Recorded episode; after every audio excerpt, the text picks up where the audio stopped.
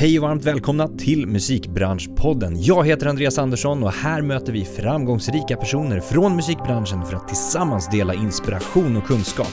Musikbranschpodden produceras av DMG Education, musikbranschens digitala kunskapsarena med kurser, utbildningar och coachning för dig som vill utveckla din karriär. I dagens avsnitt träffar jag en av våra absolut största jazzmusiker, nämligen Nisse Landgren. Vi snackar om arbete som professionell jazzmusiker, Nisses kärlek till musiken, vilket är det som driver honom i hans beslut. Bara det att till exempel vilja testa på någonting som sen resulterade i en inspelning av en hel platta under pandemin. Nisse är en av de hårdast arbetande musikerna som jag någonsin har träffat med otaliga projekt där han själv till mångt och mycket också är drivande i de här och har koll på alla projekten. Vi pratar även om några avgörande steg i Nisses karriär och hur de här har lett honom till dit han är idag. Ett riktigt inspirerande och givande samtal. Välkomna, vi kör igång! Välkommen till Musikbranschpodden, Nisse Landgren. Tack så mycket. Du kommer in med ett härligt strålande humör känns det som här. Ja, absolut. Ja. Jag är på topphumör. Med kontoret i fickan nämnde du. Jajamän. Ja, du, ingen, ingen kontor här inte. Inget kontor här och när du ändå säger det så ska jag stänga av signalen på mitt kontor så att Snyggt. ingen stör ja, men det är mig. bra. Sådär, nu så. Så ingen annan... eh, Ingen annan kan nå oss.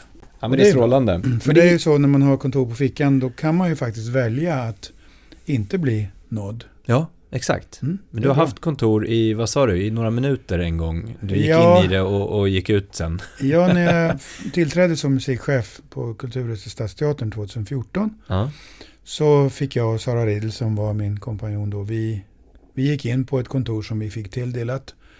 Och så tittade vi oss runt och så gick vi ut. ja. Och det är enda gången du har haft ett kontor, eller? Det är det I faktiskt. princip. Ja. För du reser väldigt mycket också. Jag reser mycket eftersom jag har förmånen att få jobba väldigt mycket Ja. med, med det jag gör, alltså sjunga och spela. Ja, exakt.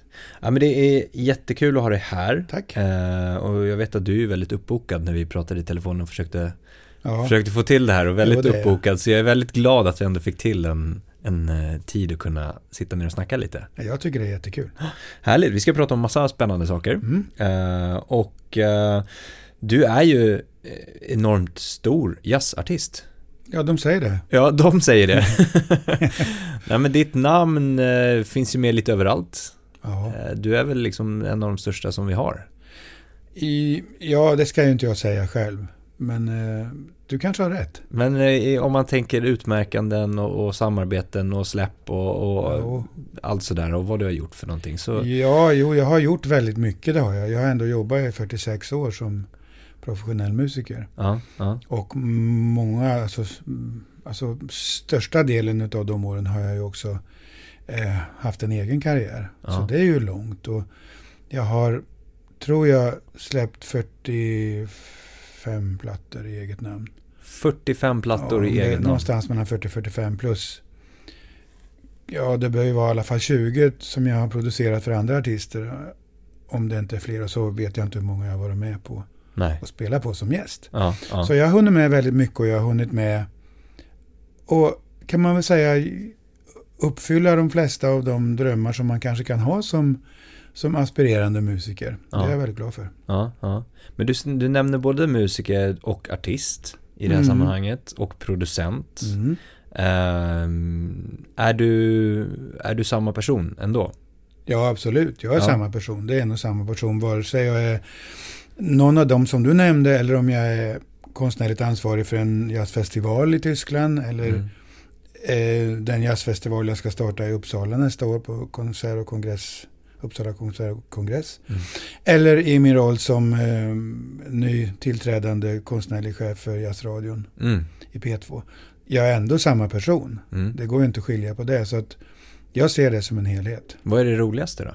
Alltihopa. Allt, är det Ja. helheten eller ens att det är sån bredd? Nej, men det roliga är tycker jag, jag försöker att befinna mig i nuet hela tiden. Ja. Alltså att njuta av det som händer precis nu. Mm. Om det är möjligt. Ibland så är det inte så mycket njutning för det, det kräver så himla mycket Mm. att förbereda sig och sådär. Mm, Alltså att mm. öva ordentligt, att lära sig massa stycken. Att skriva nytt, att repetera med, med olika band och så vidare. Så det kräver mycket men, men det är ändå jag tycker att det viktigaste är att, att jag kan befinna mig i nuet. Jag tittar varken framåt eller bakåt när jag står på scen till exempel. Nej. Utan då är jag där. Ja. Och det tror jag är en viktig del i, i den framgång som jag har haft. Mm, mm. Men när du går in i liksom olika projekt, om det är dina egna till exempel, om du ska Mm. släppa något eget eller om det är att vara musiker för någon annan eller tillsammans med någon annan eller producera. Ehm, prioriterar du din tid liksom på olika sätt eller, eller gör du allting under en och samma tid eller? Ja, jag pri- prioriterar givetvis, det måste jag göra ibland. Mm. För att annars skulle jag inte klara av det. Nej. Så mm, vissa perioder så måste jag kanske koncentrera mig på att öva in ett nytt program. Precis. Eller skriva musik för något Ja. nytt. Men sen är det ju så att när man är frilansare så håller inte det där. Utan det, det läcker in saker hela tiden. Exakt. Och det har jag lärt mig, för så har det varit hela mitt liv. Ja. Alltså hela, hela mitt yrke, yrkesverksamma liv. Så att jag, jag tänker nog inte ens på det, utan jag gör det bara. Okej. Men när, när, när du säger att du har släppt så pass mycket egen musik Mm. då. Eh, hur bestämmer du att, nej men nu ska jag släppa nytt? Ja, Det bestämmer jag ju inte ensam. Jag har varit kontrakterad med samma skivbolag sedan 1994. ACT heter det, Mm. ett tyskt bolag som har blivit eh, kanske den största independent-aktören på, på jazzmarknaden i Europa.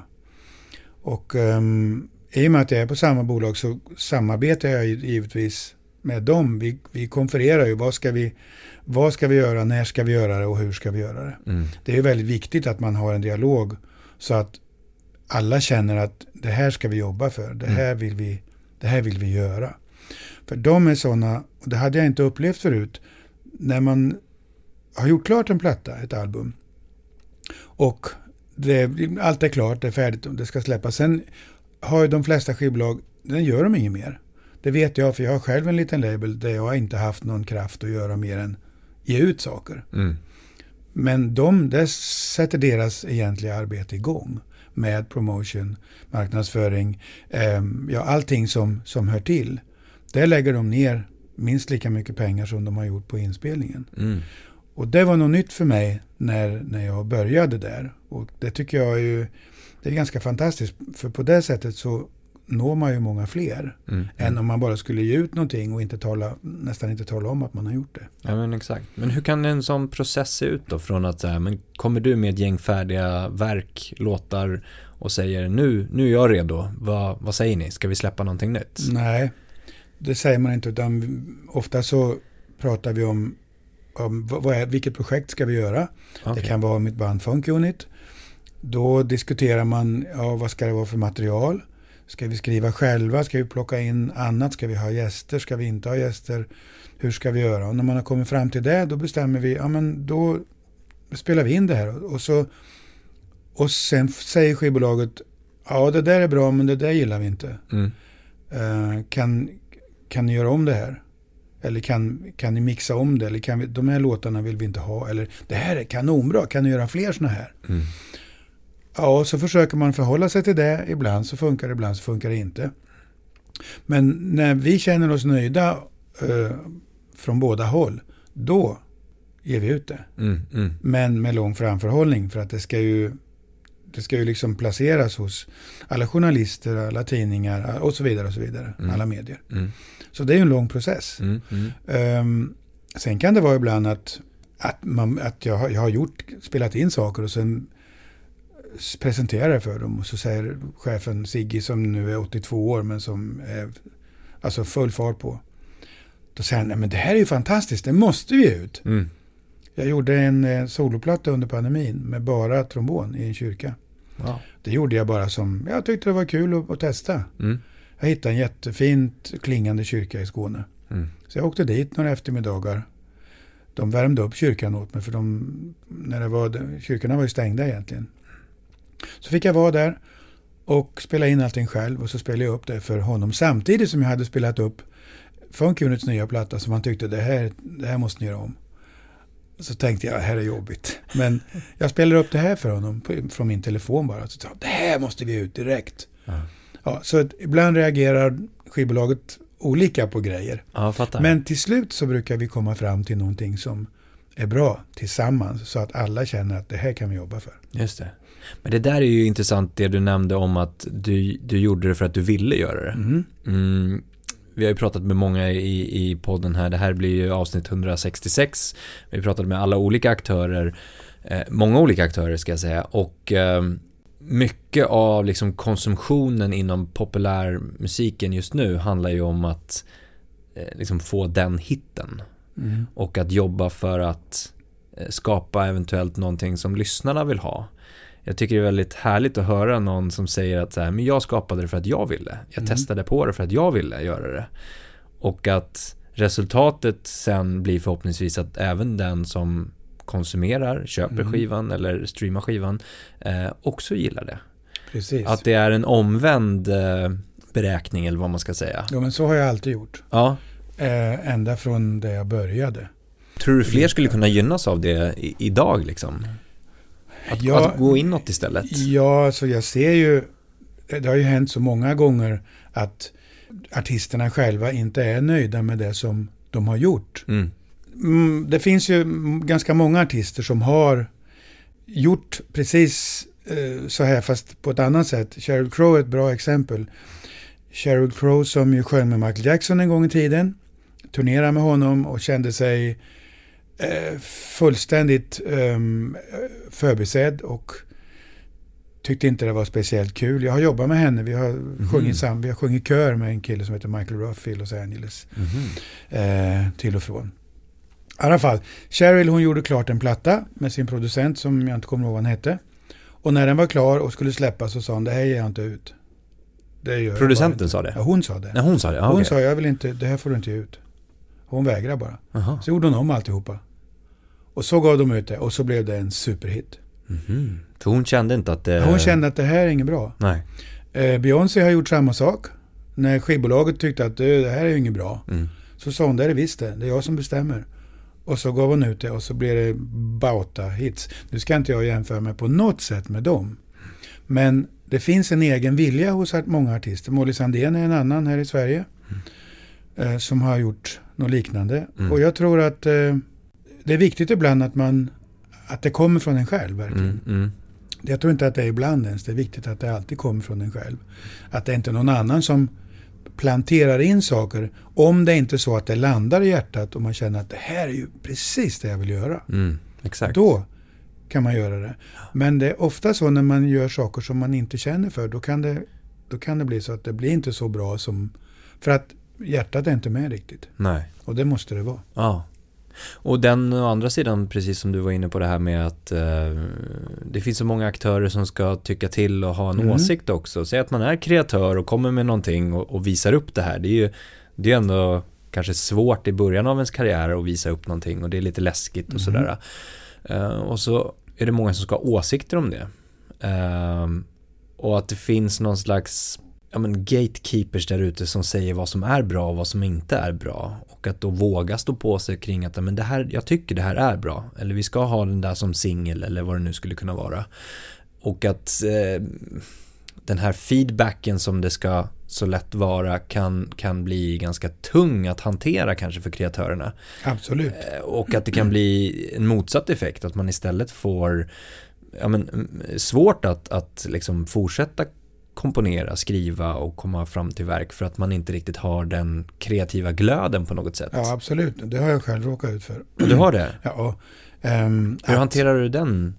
Jag, jag tyckte det var, det var... Jag var väl svårare i början och sen blev det enklare och sen blev det ännu svårare när, när, när folk som ska tycka tycker och jag känner att de förstår inte Mm. vad det är de lyssnar på. Mm. De vet inte ens, de, de, de fattar inte vad vi gör ens. Då, då blir det lite knepigt och det har ju hänt en del gånger. Mm. Men ehm, på något sätt så måste man lära sig att förhålla sig till det. Mm. Men, men det är svårt när man ska... Man, man lägger ju faktiskt ut sitt hjärta, sitt innersta på ett fat och säger varsågod. Och så kommer det några och käkar upp det bara. Mm. Och jag har ju upplevt det även med mitt skivbolag någon gång att de tycker vi musiker eller vi artister är idioter. som inte fattar någonting. Mm, mm. Men å andra sidan så kan vi också tycka att de är idioter som inte fattar någonting. Så att det är, det är ju ett ge och ta hela tiden det här. Ja. Och eh, jag får nog säga att med facit i hand efter alla de här åren, sedan 1994, så har vi hittat en väg tillsammans Mm. som hela tiden leder framåt. Mm. Inte utan eh, konflikter och kontroverser, men det finns ändå en konsensus till slut att Mm. så här går vi vidare. Vi kan inte låta ehm, en kontrovers eller en konflikt stå i vägen för det vi vill göra, utan då löser vi den och så går vi vidare. Ja. Det tycker jag är ett bra sätt att arbeta på. Ja, verkligen. Jag tänkte på det här som du sa, nu har du haft samma skivbolag då i, sedan 94. Mm, 28 år. Ja, det är ju en, en herrans massa år. Mhm. Och det handlar inte om en one-hit wonder på det sättet, eller en, en, e- ett enstaka släpp eller release, Nej. utan det är mycket musik som ska ut där. Jag tänker också i det här, äh, din eh, position, att du har skapat dig ett namn också, eh, att du har en, en men förhandlingskraft på något sätt kring just, jag tänker royalty och ersättning och dealar, att man bygger upp den på något sätt över en karriär eller över en, en ja, artistkarriär. Mm. Men att den kanske inte finns i början. Kan du känna igen dig i att det har, har det varit så för din del att liksom det har växt, att din position på något har växt både i förhandlingskraft och beslutsfattande och Ja, det kan jag nog säga. Och jag, alltså, skivbolaget ACT, de ser mig som sin ryggrad, säger Ja. de. Eh, det betyder inte att jag har stort inflytande över vad de gör med andra artister. För det lägger jag mig egentligen inte i. Utan jag, däremot så är jag den som har sålt mest skivor av alla som är på skivbolaget. Så Mm. det, och, och jag har funnits där så länge och jag har varit en, tror jag, en, en ganska stark och sammanhållande kraft för väldigt många eh, som, som finns på bolaget. Så att på det viset så, så har jag väl en, en bra förhandlingsposition. Men ärligt talat så har jag inte förhandlat någonting på, jag vet inte hur många år, utan mitt, mitt, mitt, alltså mitt kontrakt det, det löper på tills, ja, tills, tills vi säger något annat. mm, mm, Och ofta så gör vi kanske, en, beroende på vad det är för projekt, så gör vi en separat deal. mm, Så det, det ser lite olika ut faktiskt. just det. Men jag har inte känt mig nödgad att, att hålla på och förhandla varje gång, utan eh, ja, jag får ett förslag och så säger jag ja eller nej. Mm, Och för det mm, mesta säger jag ja.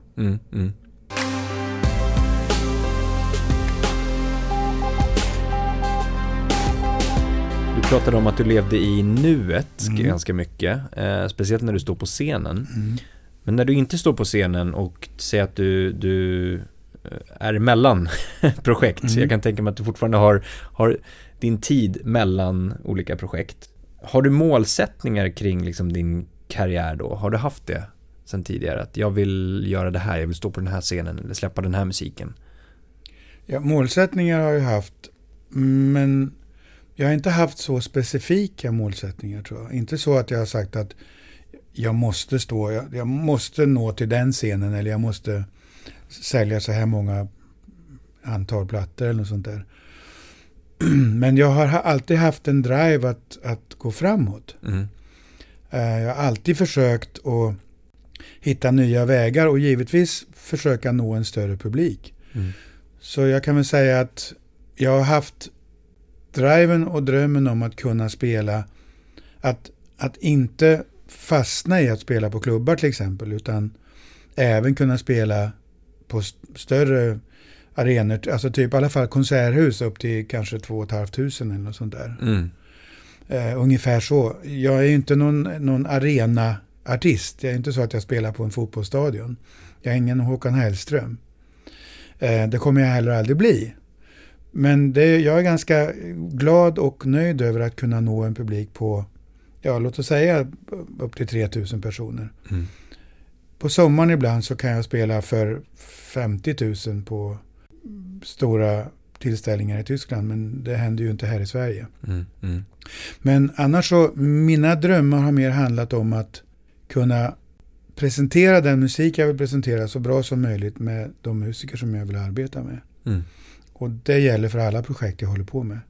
att kunna på ett trovärdigt sätt presentera musik som jag själv vill spela tillsammans med människor som jag tycker om att jobba med för en publik som jag vill nå. Mm. Du, du eh, nämnde det här med klubbar, att det är ganska vanligt att jazzartister eller jazzen hamnar på en jazzklubb mm. och liksom stannar där. Inget fel med det, men, men nivåmässigt som du säger så så finns det ju ett nästa steg, men det kanske är svårt inom jazzgenren, eller? Ja, det kan det vara, men det beror också på vad man har för ambitioner lite grann. Mm, mm. Eh, och jag har alltid haft, kan man säga, om inte ambition så i alla fall önskan att, att nå förbi klubbarna. Och inget ont sagt om dem, för att det är ju fantastiskt att det finns så många ställen att spela på. Exakt. Men om man nu vill nå fler människor, då, då, då gäller det att försöka att, att hitta nya ställen att, att spela på. Mm, mm. Där man kan nå fler människor på en gång. Mm. Men då gäller det ju förstås också att spela en musik som kanske appellerar på fler människor. Mm. Men musiken måste fortfarande vara min och den måste vara trovärdig. Det måste mm. vara eh, musik som jag verkligen vill spela. Och för mig så har det alltid varit oerhört viktigt att det jag gör är det jag tror på. Mm. Och som tur är så verkar väldigt många ha förstått det och kommer och lyssnar. Mm. Och det är jättekul. Verkligen. Det här med att du vill spela din musik med de musikerna som du vill. De här musikerna, mm. är det, har du haft målsättningar kring vilka du vill spela med också?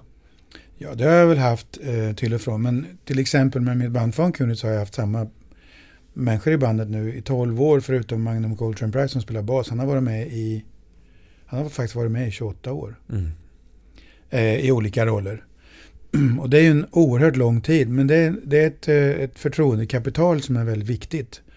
Att, eh, ja, att, att hålla i och att, att också fortsätta att odla att, och utnyttja det kapitalet. Eh, men annars så är det så att jag jobbar ofta på projektbasis med de andra, alla de andra grejerna jag gör. Och då gäller det att hitta folk som jag dels musikaliskt eh, kommer överens med, men vi ska ju också mänskligt komma överens. Mm. Det ska ju vara några som man kan umgås med, några som, mm, som förstår varann eh, på ett djupare plan än att stå på scen i, i två timmar. Mm. Kan det handla om liksom, artistsamarbeten där du, du kommer in och framför liksom, på, just livemässigt till exempel? Eller? Ja, för det mesta så, så kommer projekten från mig. Ah, okay. I det jag gör. Ah.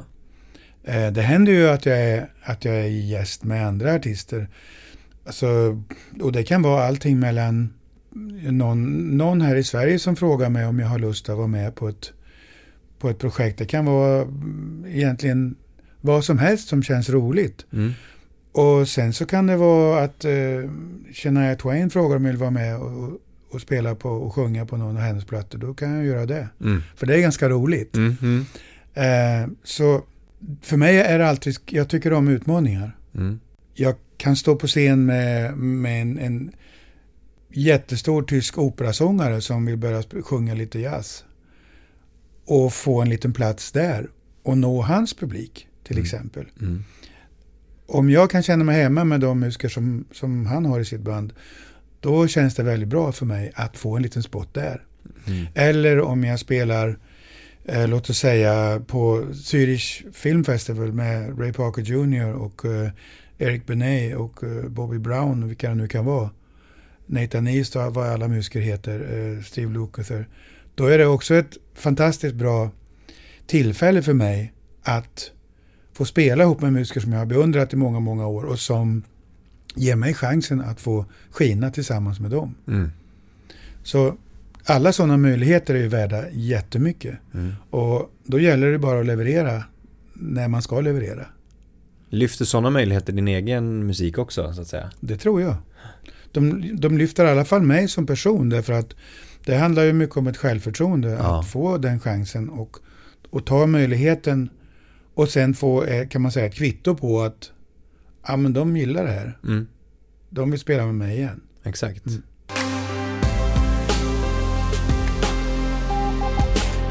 Vad, man, man, kan ju tänka så här, eh, är man lite insatt så förstår man ju att det är väldigt, väldigt stort ändå. Eh, att sätta sig i sådana sammanhang. Och, mm. och, hur, vad skulle du säga är några liksom avgörande steg eller tidpunkter som har gjort att du antingen får sådana förfrågningar eller kan sätta dig i de sammanhangen, att spela med de personerna? Det finns ju klart avgörande eh, tillfällen. Och jag tror det första eh, som, som ham där jag hamnade utanför Sverige, det var när jag 1981 fick förfrågan ifrån en storbandsledare som heter Thad Jones. Thad Jones var då den största levande eh, storbandskompositören, arrangören och, ledaren. Han eh, jobbade många år med Count Basie och sen så startade han ett eget band i New York och sen så småningom flyttade han till Danmark och startade ett eget band där och sen så småningom så startade han ett nytt band i Italien med hälften av sina gamla musiker från USA och hälften av musikerna från ett band som heter Kenny Clark of Boulogne Big Band. Plus att han ville ha mig med. Mm. Och då var jag ju bara 25 år. Då plötsligt fick jag spela med musiker som jag aldrig trodde jag skulle få spela med. Och spela in plattor med dem i Italien. Uh, och det var en oerhört skräckblandad förtjusningsupplevelse för att uh, jag var ärligt talat väldigt, alltså jag var skitskraj. Mm. Eh, men han gav mig förtroendet och han stöttade mig och han blev som en farsa för mig några år. Eh, både musikaliskt och, och som, som person. Så det var väl den första grejen där jag också började bygga ett slags nätverk med musiker utanför Sverige. Och sen mm, ganska många år senare, 87, 87, ja det måste det ha varit. Då var jag i Los Angeles och eh, bodde hos en kompis. Och hon i sin tur hade en kompis som var gift med Joe Sample som hade ett band som hette The Crusaders. Eh, och så hon ringde sin kompis, alltså Joes fru, och frågade kan inte Nisse, gör Joe någonting nu? Kan Nisse kanske få komma upp och kolla om han gör något? Och då sa hon, ja han håller precis på att spela in en platta med Crusaders och Marcus Miller är producent. Han kan komma upp, det är lugnt. Så jag åkte upp eh, dit och min kompis sa att du får låna min bil och lägg trombonen i bakluckan. Aldrig i livet sa jag det, jag kan inte ta med trombon. Jo, jo. Men jag är svensk, man tränger sig inte på. Mm. Men jag la trombonen i bakluckan och åkte upp. Och det första som producenten sa var, är det du som är Nisse? Ja. Har du trombon med dig? Ja, jag har med mig den. Är du bra? Jag tror jag kan nog spela, så jag. Ja, hämta trombon. Joe behöver en trombonist. De hade haft en trombon i bandet i alla år, men nu var inte han med längre. Så då hämtade jag min trombon och så ramlade jag rätt in i en skivinspelning med liksom de bästa musikerna i Los Angeles. Och så hamnade jag på en platta med Crusaders. Ah. Så där började den grejen och många år senare så frågade Joe mig om jag ville bli medlem i Crusaders. Mm. Så då kunde jag åka på en världsturné med dem. Med Ray Parker Jr och uh, Steve Gadd och vad de nu hette. Då fick jag ju också en, en helt ny dels bekantskapskrets och dels en helt ny publik som inte hade en aning om vem här, den här göken från Sverige var. Mm. Um, så det är väl två väldigt avgörande moment i, i min musikerkarriär. I min artistkarriär också för den delen. Mm, mm. För sen kunde jag fråga Joe om han ville vara med och spela in en platta med mig i New Orleans. Och hans familj kom ifrån Louisiana så han tyckte det skulle vara spännande att göra. Så vi åkte till New Orleans och hyrde musiker där. Och spelade in en platta som sen blev, den heter Creole Love Call. Den har precis kommit ut på vinyl. Efter alla år. Den spelade vi in 2006. Mm. Och medan vi spelade in den plattan så gick det sämre och sämre för den gitarrist som var med. Joe var så, han, han tror, var otroligt petig med, med musiker. Speciellt gitarrister och trummisar. Trummisen gav han sig inte på den här gången, men gitarristen tyckte han inte gjorde som han ville. Så den killen, stackars killen, han blev mindre och mindre. Mm. Så till slut så gick det inte längre och vi tänkte, vad ska vi göra nu? Äh. Och då, klart, då kan man ju säga, who you gonna call? Ray Parker Jr. Så vi ringde honom. Vi ringde upp honom och frågade, vad gör du? Jag sitter och kollar tv i sängen. Okej, okay. kan du komma ner till New Orleans och, och vara med på en platta? Ja visst, sa han. När då? Imorgon bitti. Ja, okej. Okay. Så han flög ner. Han flög sju på morgonen. Kom ner till New Orleans och lyfte hela plattan med sitt gitarrspel och sitt producentöra och sådär. Mm. Så det var också en viktig grej för då, alltså då, Ray och jag, vi har blivit väldigt nära vänner. Så det har hjälpt också väldigt mycket. Så sen har Ray varit med på två Funkunit-plattor. Ja, vi har rest runt hela världen och det har varit fantastiskt kul. Ja. Och sen till slut så fick jag göra några konserter tillsammans med Pat Metheny och Michael Brecker. Det var också ganska speciellt att få göra musik tillsammans med dem. Eh, och alla sådana där grejer förstås, de, de gör ju någonting med en. Mm. De gör att man känner att wow, jag, det här kunde jag också göra, jag klarar det här. Mm, jag fick göra det och de slog inte ihjäl mig efteråt. Nej. Ja, det, det, är i alla fall tre ganska stora händelser i mitt musikaliska liv. Fantastiskt. Mm.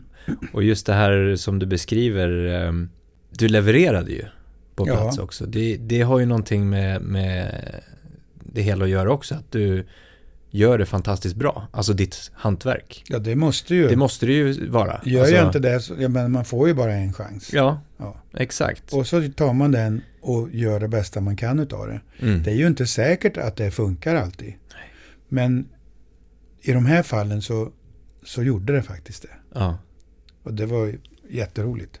Har du någon gång varit liksom eh, osäker på ditt egna presterande i, i ditt hantverk så att säga? Ja, det har jag. Kanske framförallt.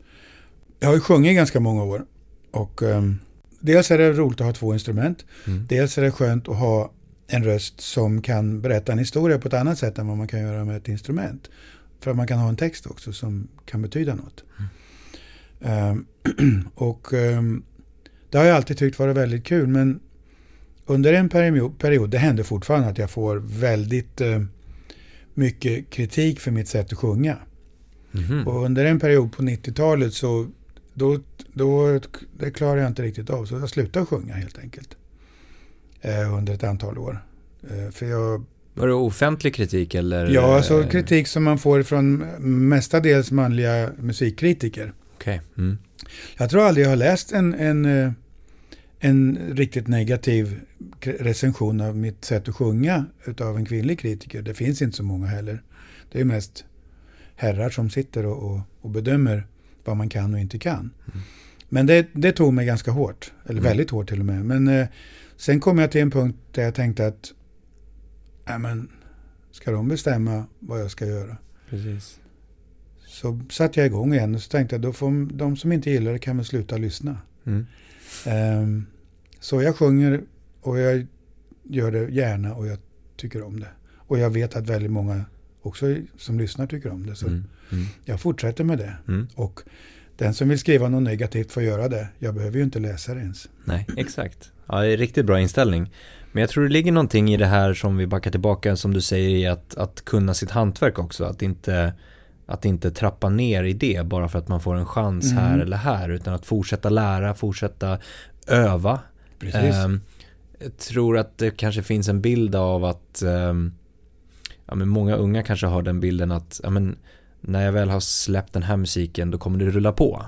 Om det är den, ingenting som rullar liksom, på. Precis. Nej. Utan du behöver ju fortfarande, du behöver fortfarande slipa på ditt hantverk för att bli ännu bättre. Absolut. Eller för att behålla det du kan också. Ja, och det blir ju svårare och svårare ju äldre du blir därför att det kräver mer och mer. Mm. Därför att alltså hela ditt system eh, lägger långsamt ner. Mm.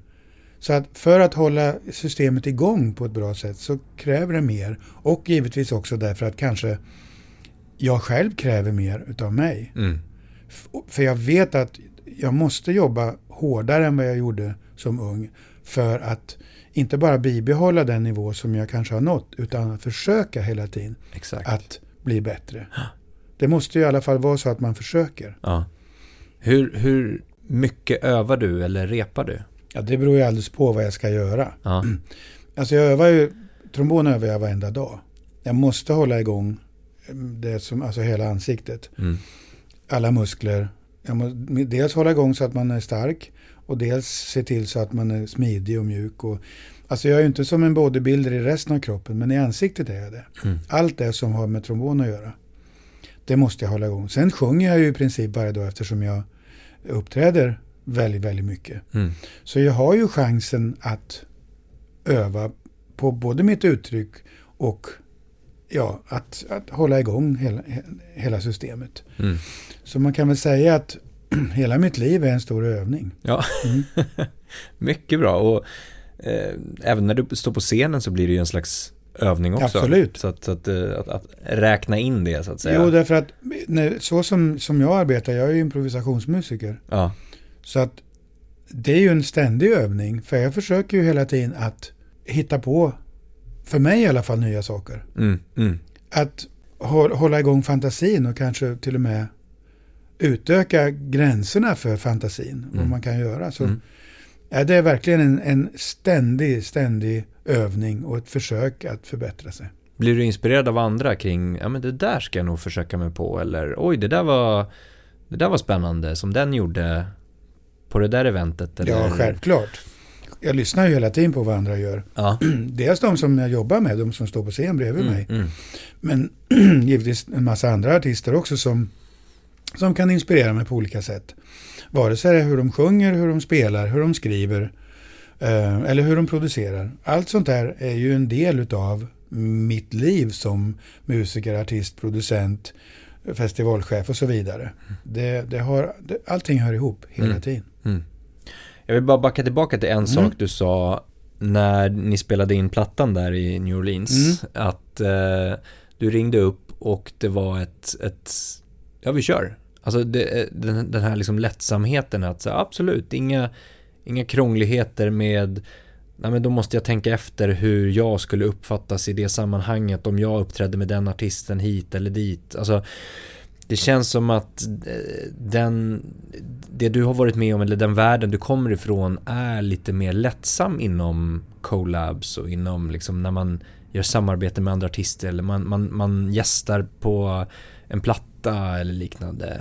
Att dagens, vad ska vi säga, hitlistebaserade musik är striktare inom sådana beslut. Att man, det måste verkligen vara rätt samarbetspartner. Det måste vara rätt artist, rätt eh, låtskrivare som ska gästa någon och sådana saker. Håller du med? Absolut.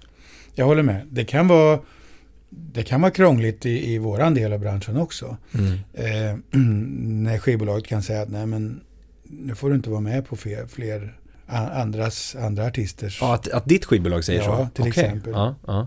Och ibland så lyssnar jag på dem, ibland så struntar jag i det. För att det kan bli spretigt tycker de då eller? Ja, de tycker, måste du vara med på den där, den, den artistens platta? Det behöver du väl inte. Nej. Men, och som sagt, ibland så, så, ja, så tar jag deras råd och låter bli. Mm. Men känner jag att jag vill göra det så gör jag det i alla fall. Mm. Och den friheten tar jag mig helt enkelt. Det kunde jag kanske inte alltid göra förr. Men, och sen vad det gäller, ja, men som du nämnde det där med Ray. Då, alltså Ray Parker är ju en utav, utan att så många människor vet vem han är. Han skrev musiken till Ghostbusters och det är det är det han är mest känd för. Det är det han också tjänar mest pengar på Mhm. fortfarande. Men han har skrivit så otroligt mycket hits som inte alla vet om. Och eh, han är en otroligt cool snubbe och i och med att vi var, hade varit på turné tillsammans med Joe Sample också. Så kände vi varandra och då, då kan man bara fråga. Mm. Och Mm. detsamma gäller för många andra artister som alltså man har byggt ett förtroende med. Mm. Och om de känner att ja men jag är Nisse vet jag, då blir det, då blir det okej. Mm. Då säger de oftast ja också direkt. Och då behöver man heller inte hålla på och, och krångla och gå igenom agenter och ma- managers och allting sånt där som kan ställa till det väldigt mycket tidsmässigt Exakt. och ja, på alla sätt. Utan då säger de ja och sen säger de bara ja, du sen kan göra upp resten med, med managern. Men jag har sagt ja så att, och det gäller. Mm. Mm. Och det tror jag, det, det är nog en skillnad mellan den, alltså den, rikt, alltså den rena popindustrin. Mm. Vad tror du det kommer ifrån? Är det någon slags historisk grej att eh, liksom genremässigt jazz till exempel att det är mer inte familjärt men mer liksom att man spelar tillsammans. Ja, det skulle jag tro. Det här är ju en, alltså, vi, vi lever ju på att spela ihop. Vi Ja. lever ju på att, att göra musik live på en scen. Mm. Eh, och hitta på saker också. Mm. Ehm, vi, vi gör ju väldigt sällan alltså, ett till ett produktioner där allting är precis som på plattan. Mm. Vi kan inte ens komma ihåg vad vi spelar på plattan. Mm. så, så därför så, det är en helt, ett helt annat sätt att arbeta på. Ja. Målet är ju detsamma, att vi gemensamt ska göra någonting som blir så bra som möjligt.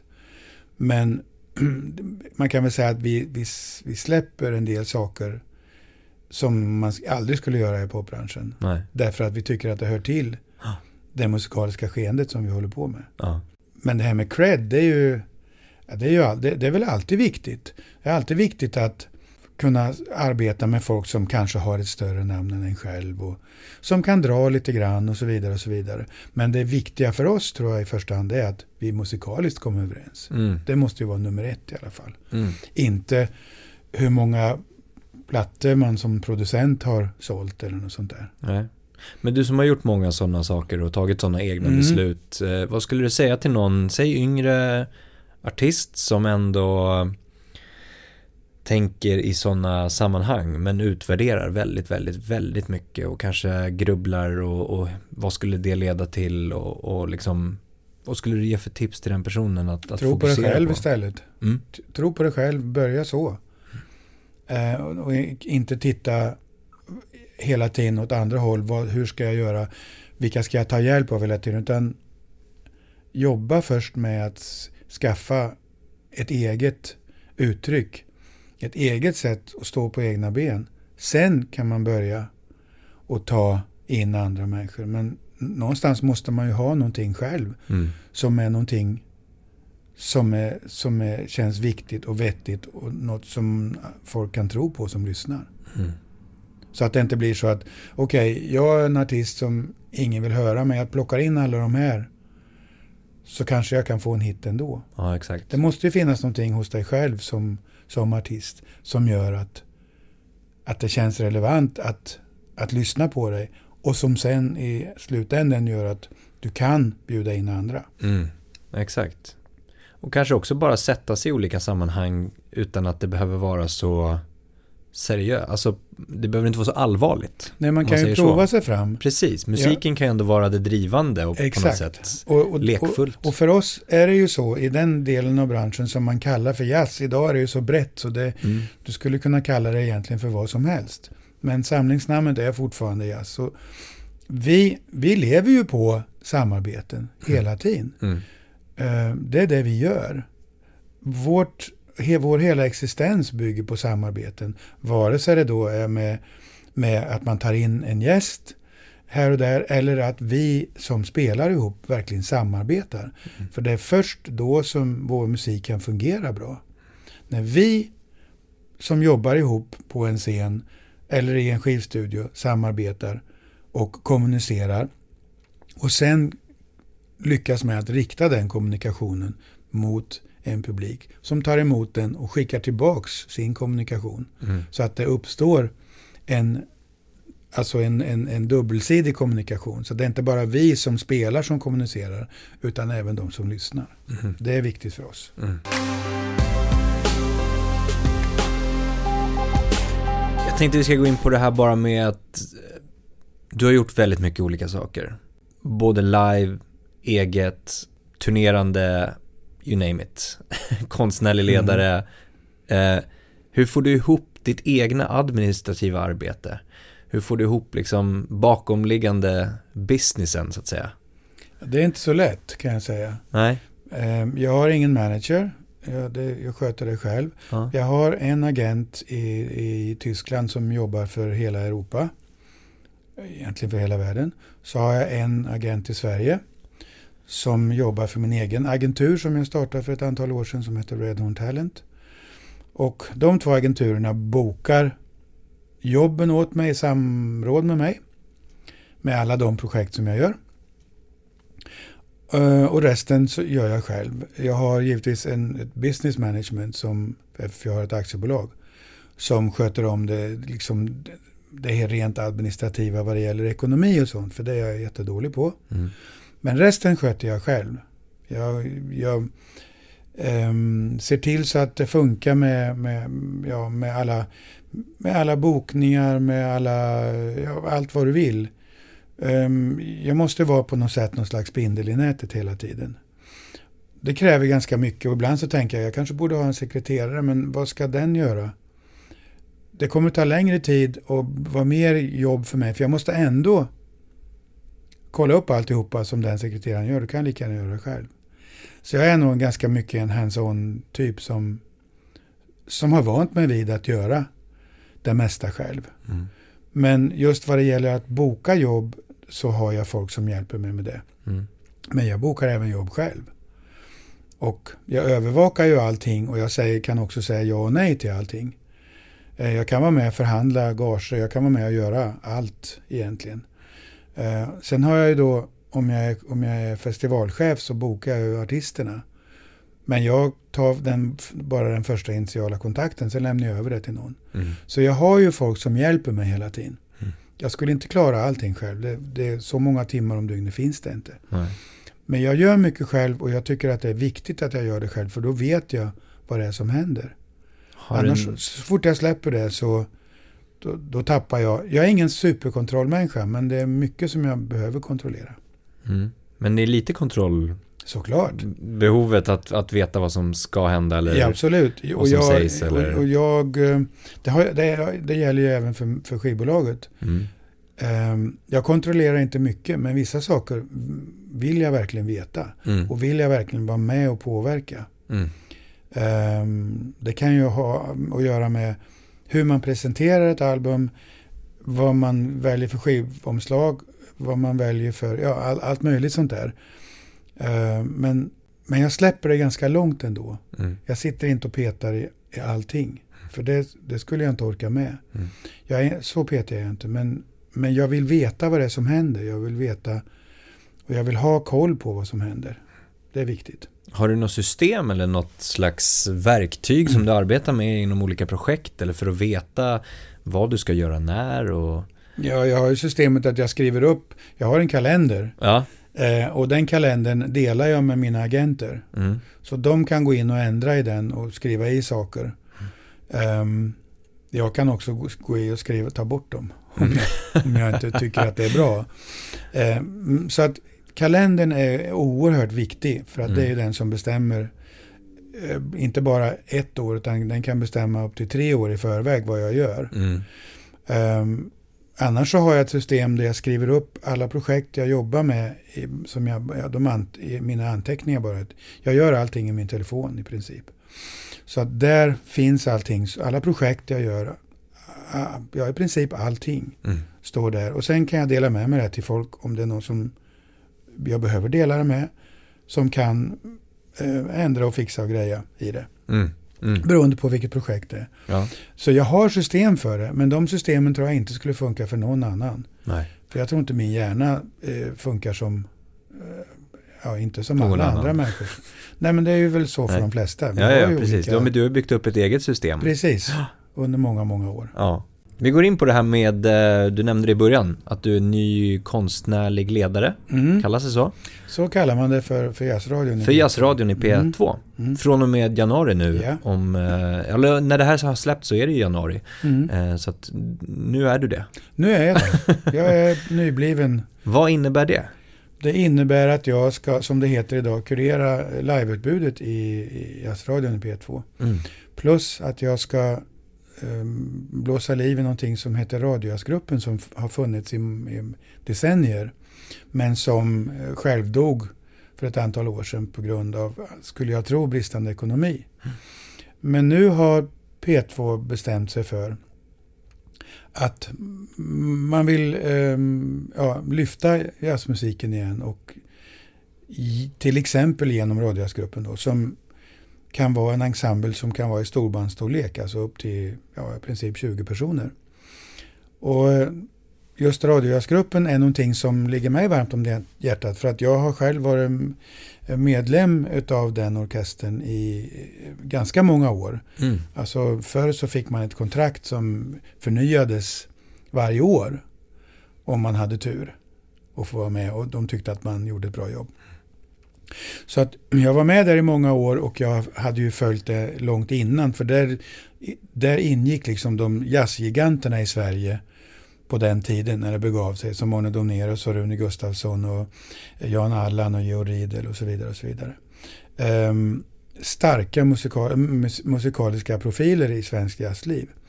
Och sen så småningom så ebbade allting ut. Men nu så ska vi lyfta det här igen. Vi ska göra fyra produktioner om året.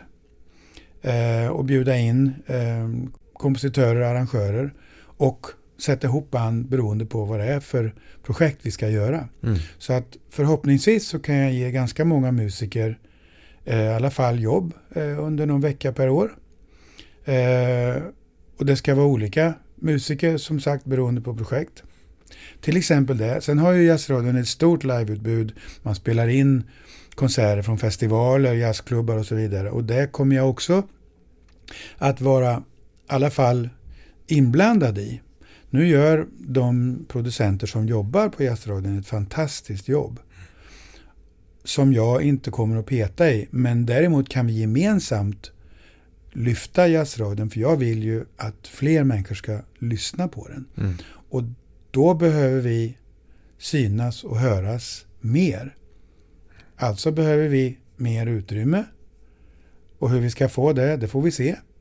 Men det är någonting som jag kommer jobba hårt för. Mm. Jag kommer att jobba hårt för att vi ska samarbeta med eh, radiostationer utanför Sverige. Det finns ju många alltså, offentliga radiostationer, alltså public service-stationer runt om i Europa som skulle kunna bli en del av ett nätverk som inte heter EBU, för det är ju European Broadcasting Union, det är ju en stor grej. Men vi skulle kunna jobba på ett mer direkt sätt, mm. just bara vad det gäller radio. Så jag har väldigt många projekt som jag vill genomföra, men det återstår ju att se vad jag lyckas med. Mm. Men eh, min intention är i alla fall eh, att lyfta jazzradion och det är ju givetvis radions intention med att anställa mig som, mm. i den positionen. Och det är en position som aldrig har funnits förut. Det är helt nytt det här. Spännande. Mm. Ja. Och då så nämnde jag då att ja, men då kommer du sitta eh, på ett kontor då här i, i Stockholm. Nej, det kommer jag inte göra. Nej, inga jag, kontor. Nej, inga kontor. Men däremot så kommer jag givetvis att besöka ja. kontor i Radiohuset och träffa eh, mina medarbetare. Och, eh, för jag, jag, eh, jag vill jobba tillsammans med de som, alltså som finns runt mig. Jag vill arbeta, jag tycker att det är mycket roligare att göra saker ihop än att jag ska sitta och bestämma mm. och säga att så här måste vi göra och så. Utan jag är nog, jag är mångt och mycket en konsensuskille. Jag vill samarbeta. Mm. Jag vill jobba ihop med de människorna och jag vill hitta en gemensam väg. Och det har peppar peppar fungerat hittills med de uppdrag som jag haft, vare sig det är Jazz Baltica som jag är chef för sedan 11 år i Tyskland, eller Jazzfest Berlin som är Tysklands största jazzfestival som jag var chef för i fem år. Mm. Trots att tyskar inte gillar konsensus alls. De, mm. de, först åker man på en rejäl verbal käftsmäll och sen kan man börja alltså. och jobba ihop, kanske. Om man har tur. Eh, ja, det är lite annorlunda faktiskt. Ja, ja. Eh, men för mig har det ändå funkat. Mm, mm. Jag kan också vara bestämd om jag vill. Mm. Eh, men samarbete tycker jag alltid är viktigast. Mm. För det gäller när man spelar, då kan det också gälla. Exakt. Du vet, idag så är det väldigt många företag som faktiskt anställer folk eh, på musikaliska grunder. De vill gärna veta, spelar du i något band eller håller du på med musik på något sätt? För då vet de att de är väldigt snabba på att, att samarbeta, att bygga team. Inga i hela världen är snabbare än musiker och dansare och teatermänniskor på att bygga team. För vi har så kort tid på oss. Och musiker måste vara snabbast för vi har kortast tid på oss. Så det är jättemånga företag som faktiskt eh, rekryterar med den förutsatsen att du måste spela ett instrument eller du måste hålla på med musik. Spännande. Mm. I, alltså, överlag eller i... Ja, inte bara i Sverige. Inte bara, även nej. utanför Sverige. Där man ser det som en tillgång. Mm. Just därför att man behöver bygga team väldigt snabbt. Mm, mm. Och det är vi världsmästare på. Mm. För vi måste. Mm, eh, så det är faktiskt en, en fördel. Och det skulle ju i sin tur egentligen betyda att vi skulle ses som en mycket starkare kraft i samhället än vad samhället ser oss som. Nu kommer jag in på mycket mer politiska grejer, men idag med den regering vi har så drar man ju istället ner på anslag till exempel till kulturskolan och så mm. vidare. och så vidare. Istället för att eh, ge den mer och bygga upp den och se till att det blir en starkare del av samhället eftersom kultur i alla dess former är väldigt viktigt för ett samhälle.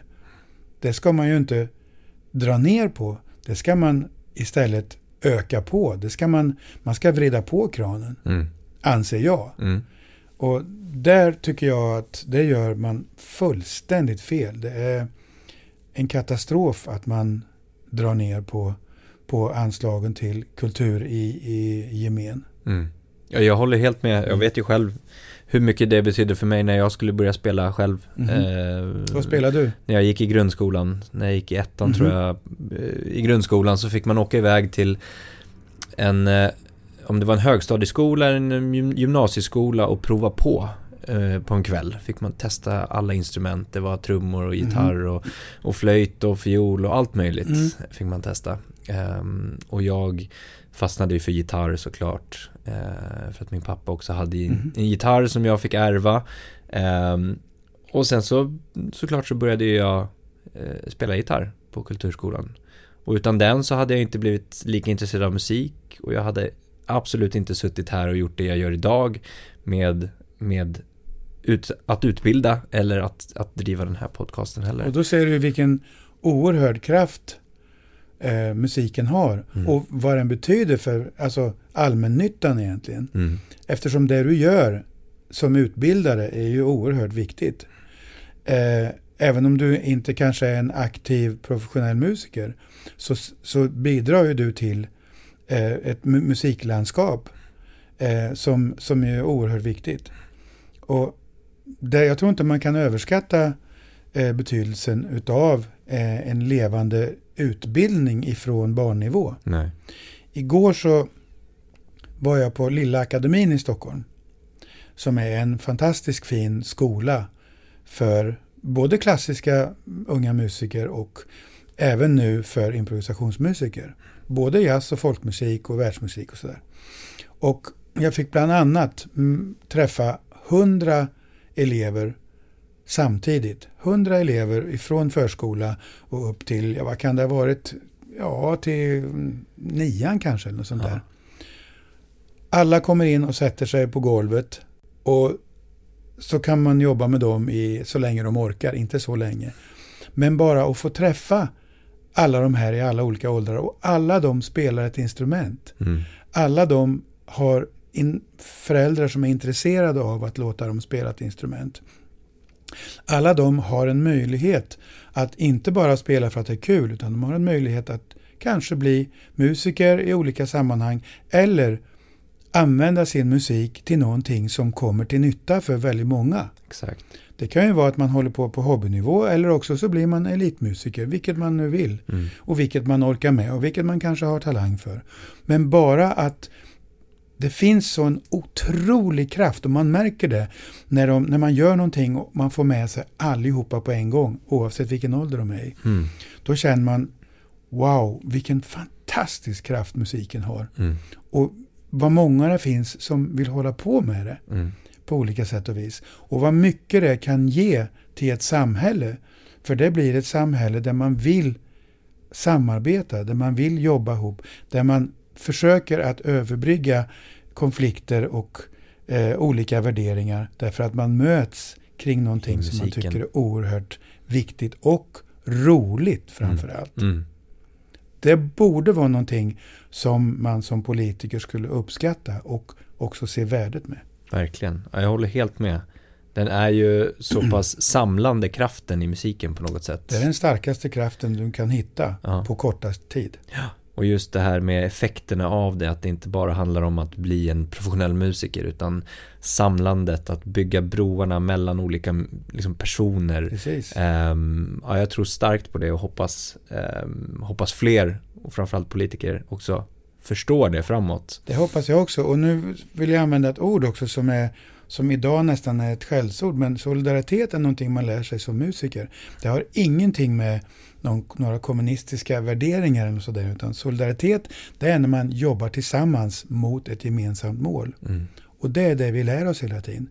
Vi lär oss att genom musiken komma fram till ett mål där man gemensamt kommunicerar tillsammans och mot någon som tar emot det. Mm, mm. Och den kommunikationen är ju helt fantastisk. Men för att kunna klara den så måste man vara solidarisk med sina medmusiker. Mm. Annars så fungerar det inte.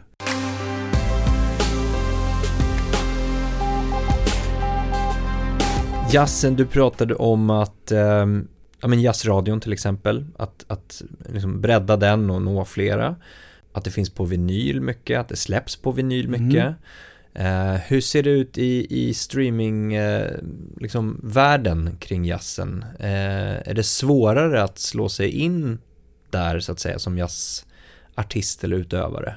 Jag vet inte om det är svårare att slå sig in, men jag menar, vi, vi är en sån oerhört liten del utav, alltså, utav den kommersiella eh, musikvärlden. Mm. Eh, men vi, allting är ju kommersiellt för att vi vill ju också sälja skivor. Mm. Eh, mm, så att jag tror att vi är ganska bra representerade på, på de digitala medierna.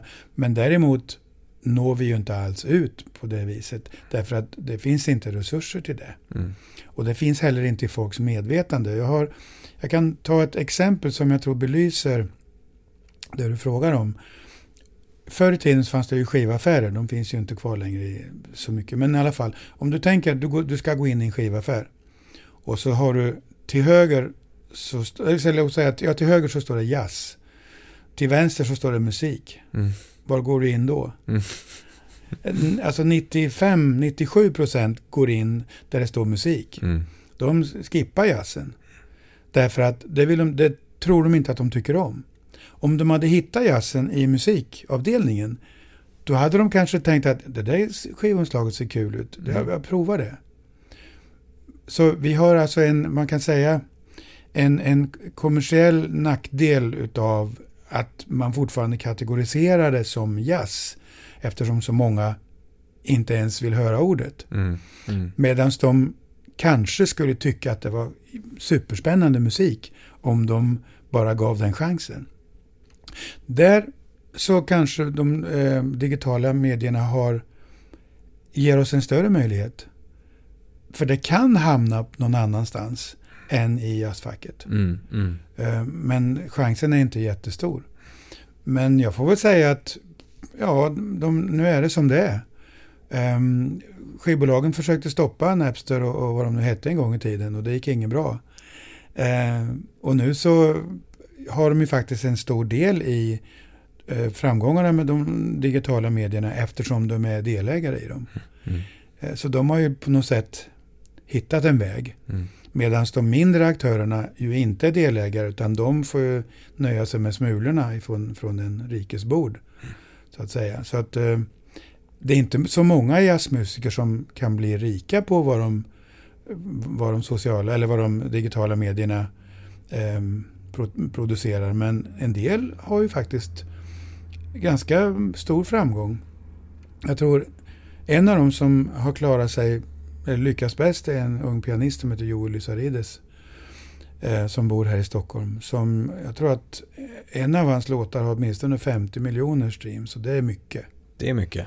Det är väldigt mycket. Mm. Han kan ju skratta i alla fall halvvägs till banken. eh, bara på den låten. Mm, mm.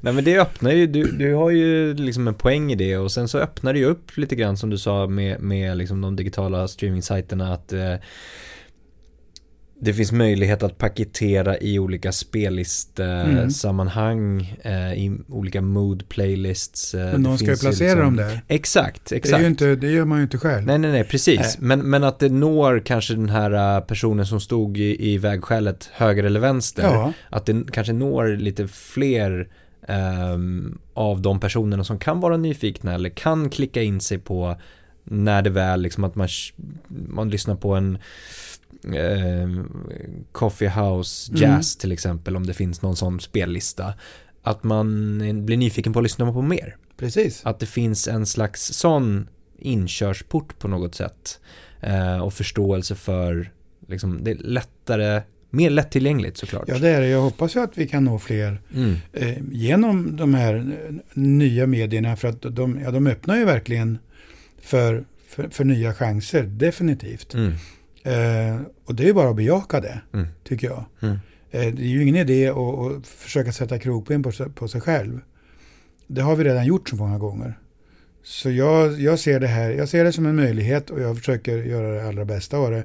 Och hoppas givetvis att det ska finnas pitchers där ute som, som lyckas få in musik på olika spellistor. Och jag har sett vad det gäller mig själv att jag finns på en oerhörd massa spellistor. Mm. Som kanske bidrar till eh, en viss inkomst också. Och nu då? Nu ska du, vi pratar om att du reste väldigt mycket, eh, spelar väldigt mycket. Mm. Vad har du på gång framåt nu? I, nu är det ju mitten på december snart. Ja, alltså nu, nu i december, nu, jag åker på turné till Tyskland på söndag. Då ska jag eh, ta igen ehm, ett antal julkonserter som jag skulle ha gjort förra året. Mm. Jag har en ensemble som heter Christmas with my friends. Som är jättepopulära i Tyskland. Även i Sverige, men vi spelar egentligen bara två konserter i Sverige. Och det gör vi vartannat år. Mm. Men nu tar vi igen då det som vi skulle ha gjort förra året. Så vi gör sex konserter på, i kyrkor och konserthus i, i Tyskland. Eh, sen är det jul. Eh, och sen försöker jag och vila mig lite över, över julhelgen. Och sen ska jag spela med Dalasymfoneten i Dalarna över nyår. Fram till början på, på januari, till 6 januari. Sen tar jag lite paus. Och sen ska jag till Luxemburg och spela med en fransk eh, dragspelare. Fantastisk dragspelare. Häftigt. Eh, och sen fortsätter jag. Sen, sen jag ska spela in lite nya plattor med både Funk Unit och med lite andra artister Mm. som jag samarbetar med. Ja, sen, sen reser jag på. Samtidigt så som jag ska starta upp Radiojazzgruppen. Mm. Eh, samtidigt som jag också ehm, jag ska så småningom eh, sätta igång en jazzfestival i Uppsala på Uppsala konserthus Mm. som heter Red Horn Jazzfest. Det är bara en dag än så länge men vi hoppas att det ska falla väl ut i början på maj. Och sen så är jag också artistiskt ansvarig för Jazz på Skansen som är Jazz på Skansen har funnits i massor med år. Det hette Blue Mondays förut när Svante Turesson var ansvarig för det. Och nu har jag tagit över det sen Svante gick bort. Och vi kommer att göra konserter en gång i veckan under hela sommaren. Så det, ju, det, det finns ganska mycket att göra. Plus att jag då turnerar både med Funk Unit eh, med en grupp som heter Four Wheel Drive som är två tyska musiker och två svenska musiker. Mm. Som också har stora framgångar runt om i Europa. Ehm, och sen gör vi en lång eh, julkonsert också, jul, julkonsertturné hela december. Fullt, Och så Ja. en jäkla massa annat. fullt upp med andra ord. Ja, så att jag, jag Ja. jobbar hela tiden och jag tycker det är fantastiskt roligt. Ja, jag hoppas det här kan inspirera eh, den som sitter där ute och kanske tragglar med sin enda låt som man ska få ut och man planerar att få ut den i, i maj eller liknande. Att bara få höra det här liksom, att gå tillbaka till musiken, varför vill jag göra det jag gör och, och eh, du släpper plattor i plural och du gör andra saker och våga släppa ut det där också på något sätt. Att jag kan inspirera någon att liksom kör på, kör din grej. Ja, det, absolut. Gör din grej, och, men framför allt, ehm, var inte rädd för att ehm, försöka ge ut dig, alltså att det inte, att det inte blir för gammalt material. Precis. Alltså så jobbar ju i alla fall vi som, som spelar improviserad musik Mm, av, i mm. något, av något slag. Det är ju, det är ju färskvara. Mm. Det vill man gärna få ut i alla fall innan det har legat och jäst i två år. Mm. Mm. För att det är också, risken är att man blir så, man snöar in så på, på produkten så att till slut så blir den så perfekt så att det finns inget kvar som, som skaver någonstans. Nej. Och det är både en fördel tror jag, en nackdel så som vi jobbar, att vi släpper igenom saker som man inte skulle göra. Och det har inte bara med att vi inte är noga att göra, utan det har också med, med det faktum att vi har inte så mycket tid. Ja. Vi har inte tid att sitta i en studio i tre månader. Som det kanske man kunde ha för. vi, alltså det mesta vi gör spelas in på en eller två dagar. Ja. Då gäller det att vara förberedd. Det gäller att leverera när det är dags. Och sen kunna släppa taget och låta dem ge ut det. Det är viktigt. Och det är kul. Och jag försöker alltid komma tillbaks till varför jag började spela. Jag började spela för att det verkade kul. Och så insåg jag att det var kul. Och den känslan, den vill jag behålla. Och den kämpar jag hårt för att behålla tills den dag jag antingen inte orkar spela längre eller jag ramlar ner död på scen. Jag är jätteglad att du ville komma förbi Nisse eh, Tack. och tog dig tiden i din fullspäckade kalender som jag är sagt. jätteglad. Jag ska iväg och repetera nu. Härligt. Ja men stort lycka till och jättetack för eh, trevligt samtal Nisse. Tack så mycket Andreas. Jättestort tack för att du har lyssnat på podden idag. Det uppskattas verkligen. Kom ihåg att följa, stjärnmarkera, gilla, dela, kommentera för att hjälpa till att sprida kunskapen i musikbranschen. Vi vill också jättegärna höra från dig. Vilka utmaningar står du inför? Vad tycker du är svårt? Vad tycker du är lätt? Vad vill du höra? Vad vill du veta? Vad vill du lära dig? Hör av dig till oss på info at dmgeducation.se. Tack för idag och ha en fortsatt härlig dag.